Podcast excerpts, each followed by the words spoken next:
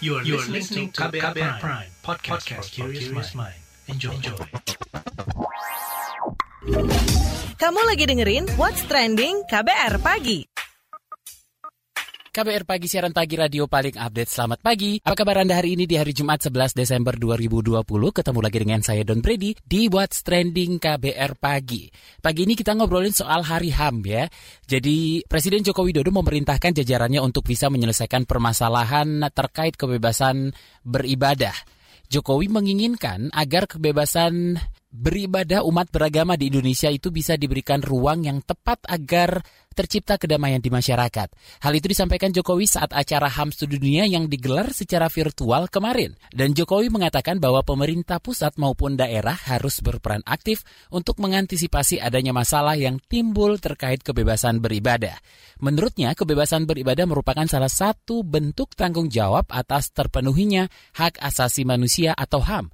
Jokowi menegaskan dengan meningkatkan penghormatan perlindungan dan pemenuhan HAM, maka Indonesia akan menjadi bangsa yang lebih beradab, tangguh, dan maju. Kita akan bahas lebih lanjut, namun sebelumnya saya mau bocorkan dulu episode terbaru Dir Dires berikut ini. Cinta atau sayang gak melulu kudu diwakilkan mawar merah. Bunga putri malu kering bisa juga mengetikkan peran itu. Lewat surat kenangan kita, Oka Rusmini menulis perkara Putri Malu Kering yang terus segar dalam ingatannya. Musisi Danila Riyadi membacakannya untuk kamu dalam Dir Dires pekan ini. Kamu hadiahkan sebuah buku tulis yang aneh bentuknya. Sampulnya tertutup daun ilalang. Di setiap lembar halamannya terselip tumbuhan liar kering Aku merengut ketika menerima kado itu. Tapi katamu, aku tidak boleh protes. Juga tak boleh bertanya. Aku hanya membisu. Berusaha paham. Katamu, tumbuhan kering darimu itu bernama Putri Malu. Nama ilmiahnya Mimosa pudica. Ia sejenis perdu cilik yang sangat pemalu. Jemari daunnya yang merekah akan langsung menguncup begitu kamu menyentuhnya. Seperti aku yang tertunduk malu saat tatapmu menyentuhku. Lengkapnya dengarkan original podcast Spotify Dear Dires yang diproduksi KBR Prime hanya di Spotify. What's trending KBR pagi? Balik lagi di What's Trending KBR Pagi bersama saya Don Brady yang lagi ngobrolin soal Hari HAM yang disoroti masalah kebebasan ber, uh, beribadah oleh Presiden. Nah, seperti apa Presiden Indonesia Joko Widodo menyoroti masalah kebebasan beribadah? Kita simak pernyataannya di acara peringatan Hari HAM sedunia tahun 2020 yang diselenggarakan Komnas HAM 10 Desember 2020 berikut ini. Kita masih menghadapi beberapa masalah yang harus kita selesaikan. Saya mendengar masih ada masalah kebebasan beribadah di beberapa tempat. Untuk itu saya minta agar aparat pemerintah pusat, daerah secara aktif dan responsif untuk menyelesaikan masalah ini secara damai dan bijak.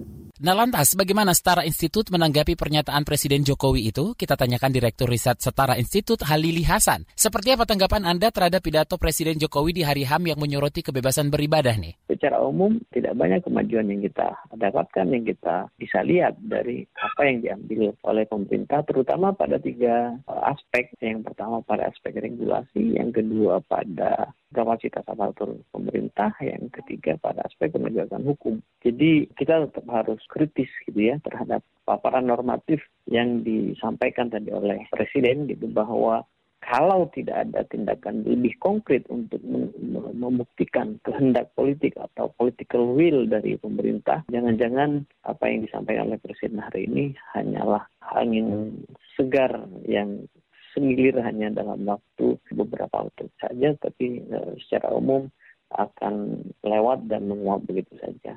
Kita tentu tidak berharap demikian, tetapi itu enam tahun sudah lewat dan uh, sebagian besar pemerintah, terutama yang tertuang dalam nawacita, sepanjang berkaitan dengan hak asasi manusia dan secara khusus soal kebebasan beragama berkeyakinan itu memang tidak banyak progres. Kasus HKBP Philadelphia, kasus DKI Yasmin, kasus Ahmadiyah di terutama di Mataram ya yang mereka mengungsi di ya, dalam negara mereka sendiri, kemudian kasus Syiah, Sampang gitu ya, dan beberapa kasus yang lain. Kasus-kasus itu sebenarnya memberikan penanda kepada pemerintah untuk memberikan semacam apa, petunjuk kepada mereka tentang apa yang mesti dilakukan. Tetapi kita bisa tetap ya harus saya kira menunggu apa yang dilakukan oleh pemerintah melihat situasi baik yang sudah lewat atau yang secara aktual terjadi hari ini berkaitan dengan kebebasan beragama berkeyakinan. Nah, apa semestinya tindak lanjut konkretnya? Kalau tindak lanjut itu yang dimaksud adalah tindak lanjut dari apa yang disampaikan, diperintahkan oleh Presiden tadi, saya kira pemerintah bisa berfokus pada kasus-kasus besar, saya kira ya. GKI Yasmin, HKBP Philadelphia, itu kasus pembangkangan atas putusan peradilan yang nyata-nyata dilakukan oleh uh, pemerintah daerah dalam konteks ini pemerintah Kota Bogor dan pemerintah Kabupaten Bekasi karena uh, putusan di Mahkamah Agung itu jelas sudah memberikan kemenangan kepada pihak DKI Yasmin dan HKBP Philadelphia tapi sampai saat ini tidak ada progres ya dalam pemenuhan hak mereka untuk mendirikan gerejanya masing-masing. Jadi pemerintah pusat menurut saya harus memberikan daya dorong yang memadai untuk memastikan putusan Mahkamah itu ditegakkan. Yang lain adalah kasus uh, pengungsian Ahmadiyah dan Syiah di Sidoarjo gitu ya.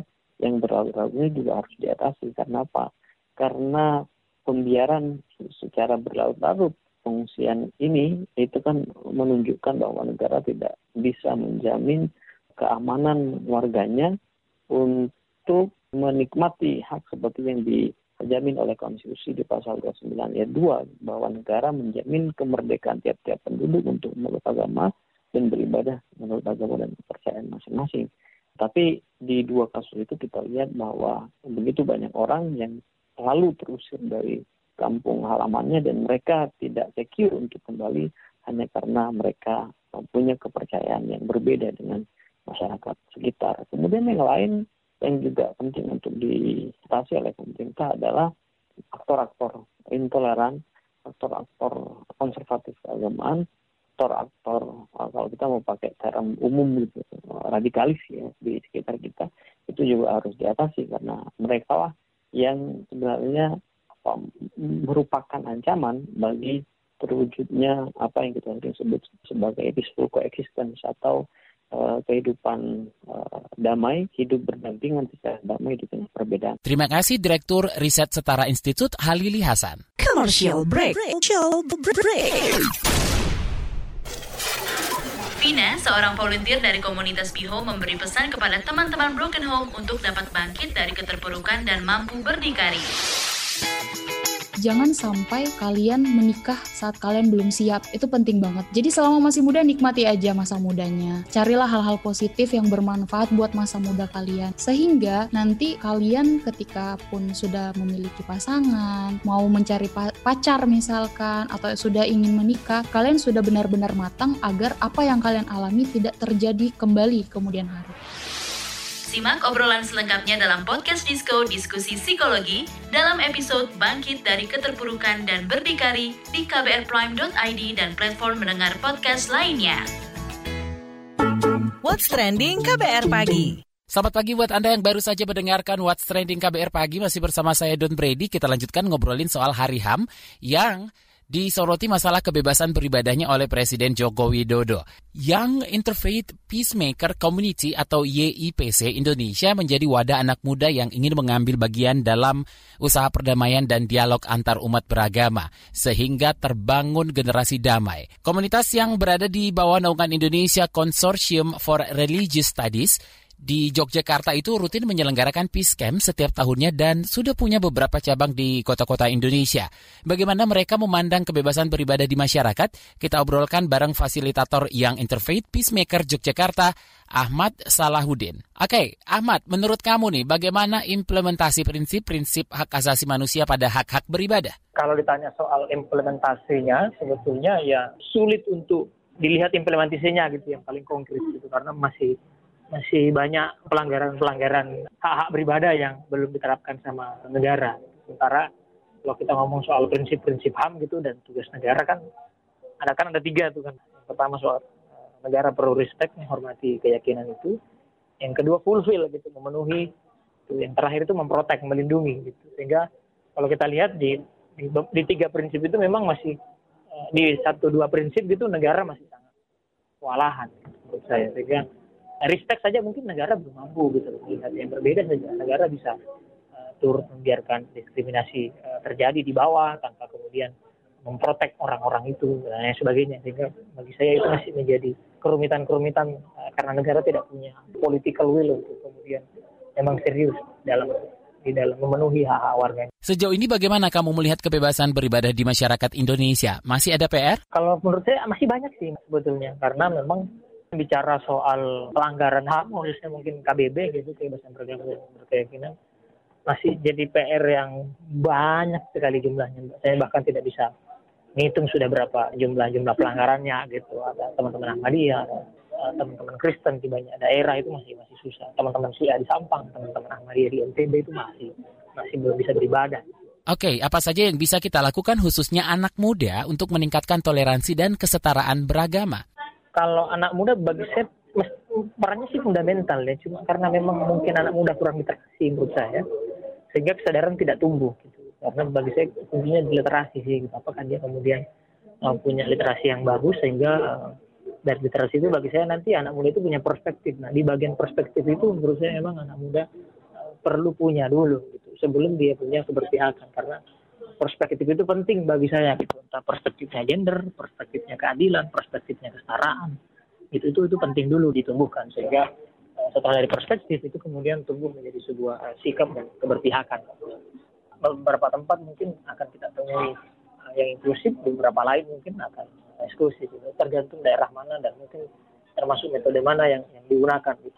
Apakah kemudian serta-merta melihat Jogja dengan slogan City of Tolerance terus kita berpikir bahwa Jogja sudah 100% toleran dan kebetulan saya tinggal di Jogja dan persoalannya malah lebih banyak juga di sini. Cuma kan tidak tidak digembar-gemborkan gitu. Dan bahkan beberapa tahun lalu White Foundation meletakkan Jogja sebagai kota toleran nomor dua setelah Jawa Barat waktu Seperti apa kegiatan komunitas selama ini yang berfokus ke sana? Kami mungkin hanya di bagian-bagian bagaimana uh, mencoba memberikan literasi, lalu kemudian memberikan penyadaran dari agenda-agenda rutinan gitu di IPC di banyak tempat gitu ada di beberapa daerah gitu eh, dan memang gerakannya gerakan-gerakan literasi gitu dan kebetulan barusan tadi saya baru pulang dari apa pertemuan rutin eh, yang di Jogja yang kami juga sama-sama memperingati Hari HAM dan kami menonton film tentang Hari HAM yang filmnya bercerita tentang satu komunitas di Jakarta yang namanya Dialita adalah komunitas ibu-ibu korban penyintas 65 yang melawan stigma dan menyembuhkan itu dengan cara menyanyi bareng-bareng di grupnya.